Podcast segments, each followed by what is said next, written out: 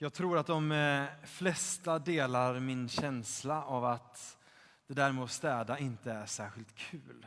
Eller? Mm. Men det finns faktiskt ett undantag. Det finns ett tillfälle när jag städar då liksom hela själen bara blir alldeles lycklig. Och ni som känner mig riktigt väl vet när det är. Kanske kan ni andra lista ut. Det är när jag kommer med dammsugaren till hallmattan. Jag bara ler, hela jag, av att få liksom dammsuga upp och bara känna hur det rasslar i slangen. Jag känner, jag gör skillnad. Städningen åstadkommer någonting. Någonting händer. Det är kul att göra skillnad. Och det är vad vi får med om i dagens text. Dagens text handlar om hur Jesus vill och hur Jesus gör skillnad i våra liv. Och innehåller samtidigt en utmaning till dig och mig att göra skillnad i andra människors liv. Texten är från Johannes 11 och handlar om Jesus, Lazarus, Marta och Maria. Tre av Jesu vänner. Tänk, Jesus vill vara din och min vän. Vilken grej! Jesus vill vara nära dig och mig i våra liv.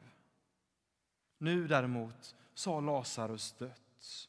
Döden och sorgen trängde sig på i Jesu liv och hans vardag. Och det Jesus gör är att ge det plats i såväl tid, rum och känslor. Han gråter och han blir berörd i sitt innersta. Och det är precis vad som sker i Jesus när smärta drabbar dig och mig också. Han blir berörd i sitt innersta och han vill gripa in och vara där och hjälpa dig och mig i det. Det har nu gått fyra dagar sedan Lazarus dog. I judisk tanke på den här tiden så tänkte man sig att när någon hade dött så svävade den dödes själ i luften i tre dagar. Så under den tiden så, så gick det fortfarande att börja leva igen. Men Jesus dröjer. Och han kommer den fjärde dagen.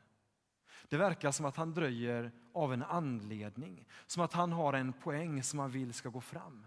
Tänk om han hade dykt upp på dag två. Då hade folk bara sagt att ja, det var slumpen som gjorde att Lazarus började leva igen. Men nu dröjer han, dyker upp dag fyra. Allt hopp var ute. Men där vi säger hopplöst, där säger Jesus hoppfullt. Och så kliver han in i den här situationen. Och när jag läser om detta så tänker jag, tänk om det kan vara så att Gud ibland dröjer i våra liv eller avvaktar lite för att lära oss någonting. Så som Jesus ville lära dem någonting när han dröjde till dag nummer fyra. Så om du och jag kikar på våra liv, låt oss fundera på vad vill Gud lära mig just nu? Hur som helst, Jesus dröjde och när han kommer så går både Marta och Maria ut för att möta honom. Och Det grekiska ordet som används i en av meningarna där är samma ord som används som när en armé går ut för att konfrontera en annan. Det verkar alltså som att både Marta och Maria de var på krigsstigen. Här kom deras vän, men de var besvikna. Båda två ställer frågan och säger Jesus, hade du varit här så hade detta inte hänt. Det verkar som att de hade pratat ihop sig och landat i, ja, detta är Jesu fel. Det är ibland en enkel väg för oss, som vi kanske alla använder då och då, att vi skuldbelägger Gud. Men Jesus har inga problem med det. Han möter både Marta och Maria med vänlighet och inlyssnande. Hellre säga som man känner än trycka ner det. För när du och jag är sanna och ärliga, då skapar vi en kontaktyta med Gud. När du och jag är sanna och ärliga, då skapar vi en kontaktyta med Gud. Så Marta och Maria konfronterar här Jesus med det de känner och det de tycker just där och då. Och Jesus möter dem på ett milt och vänligt sätt. Han lyssnar till dem även när de inte verkar förstå. Han hade kunnat sucka och säga, men fattar du inte? jag ska uppväcka Lazarus. Istället lyssnar han och precis dag, före dagens evangelietext så säger han, jag är uppståndelsen och livet. In i deras mörker, in i deras sorg, in i deras smärta så säger Jesus, jag är uppståndelsen och livet. Och det vill han säga också till dig och till mig, till det som känns hopplöst i våra liv. Och så ber Jesus dem sedan att öppna graven. Och här kommer det som är min favoritdel av den här texten. För folket börjar säga Jesus, det luktar redan. Du kan inte öppna graven. Det har gått fyra dagar. Han luktar. Och precis där vill Jesus vara och rota. Det kan vara så här i våra liv. Vi stänger in saker. Det blir unket ibland inombords. Det kanske börjar lukta och precis där vill Jesus vara och rota. Vid ett tillfälle så försökte jag dölja illa lukt i min lägenhet genom att spruta massa parfym överallt. Blev det bättre? Nej. Jag var tvungen att komma med en riktigt bra ursäkt och så fick jag och mina gäster ta en promenad istället. För vi kan inte dölja illa lukt genom att bara smeta på något annat ovanpå. Man behöver ta ut komposten, slänga den, rensa bort det som behöver rensas bort. Så vad har du och jag i våra liv som luktar? Vad har vi som vi har stängt in? Som behöver öppnas upp för att ljuset ska kunna skina in. För att vi ska börja leva på riktigt. Vad har du och jag där vi behöver börja öppna upp för Gud i våra liv? Lazarus, hans grav öppnades och det slutade med att han uppväcktes. Han lämnade graven. Vad händer när du och jag öppnar upp till det som luktar inombords och låter Gud komma in där med sitt ljus, med sin uppståndelse och sitt liv? Jag tror det är så här att om vi ska finna verklig frid och trygghet i livet så bygger det på att vi inte drar oss undan. Inte ens drar oss undan från det svåra.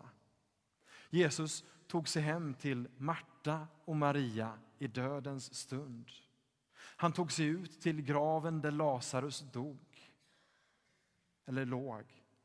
Och i allt detta, i allt detta svåra så skapas en vändning där livet får en ny chans. Jag tänker att om vi skjuter allt det svåra ifrån oss så skjuter vi också möjligheten till förändring ifrån oss. När evangelierna berättar om under och tecken så är det aldrig, eller åtminstone väldigt sällan, jag kom på att det hände vid något tillfälle, så jag ändrar mig. Det är väldigt sällan någonting som sker på avstånd. Väldigt ofta är Jesus där väldigt närvarande. Han rör, han nuddar, han berör. Under och tecken har ofta med närhet och närvaro att göra. Inte så sällan så är det så att när Jesus rör vid människor så skapar den närheten förutsättning för liv. Så det fanns hos Jesus en hållning till det svåra i livet som handlar om att se möjlighet där andra såg omöjlighet. Det andra sa hopplöst, där säger Jesus.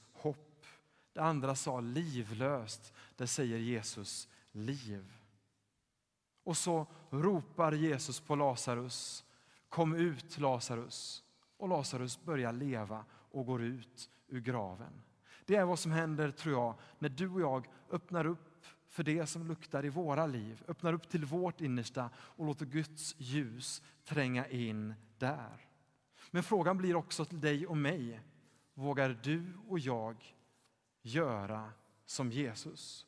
Vågar du och jag ta oss ut till det som är lite obekvämt? Sprida liv där, där andra tycker att men där är det instängt, där är det grav. Vågar du och jag vara närvarande i det? Jesus säger till folket runt omkring Lazarus, gör honom fri, låt honom gå. Se till så att Lazarus kan ta sig vidare i livet igen. Och Gud sänder samma kallelse till dig och till mig.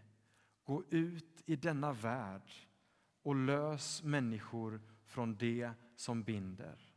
Gå ut till det instängda, till det som luktar och kom med Guds liv. Hur många här har fjällvandrat? Någon enstaka. Det låter som att väldigt många fler behöver fjällvandring i sitt liv. När man fjällvandrar så bär man ofta på en tung ryggsäck. Och när det är dags för paus tar man av sig ryggsäcken och det känns som att man flyger. Du och jag, vi som församling är kallade att vara ryggsäcksavlyftare i andra människors liv. Att göra som Jesus gjorde gentemot Lazarus, att linda av det som binder. Men Gud ger också, också dig och mig en inbjudan att själva få öppna upp och ta emot livet från honom.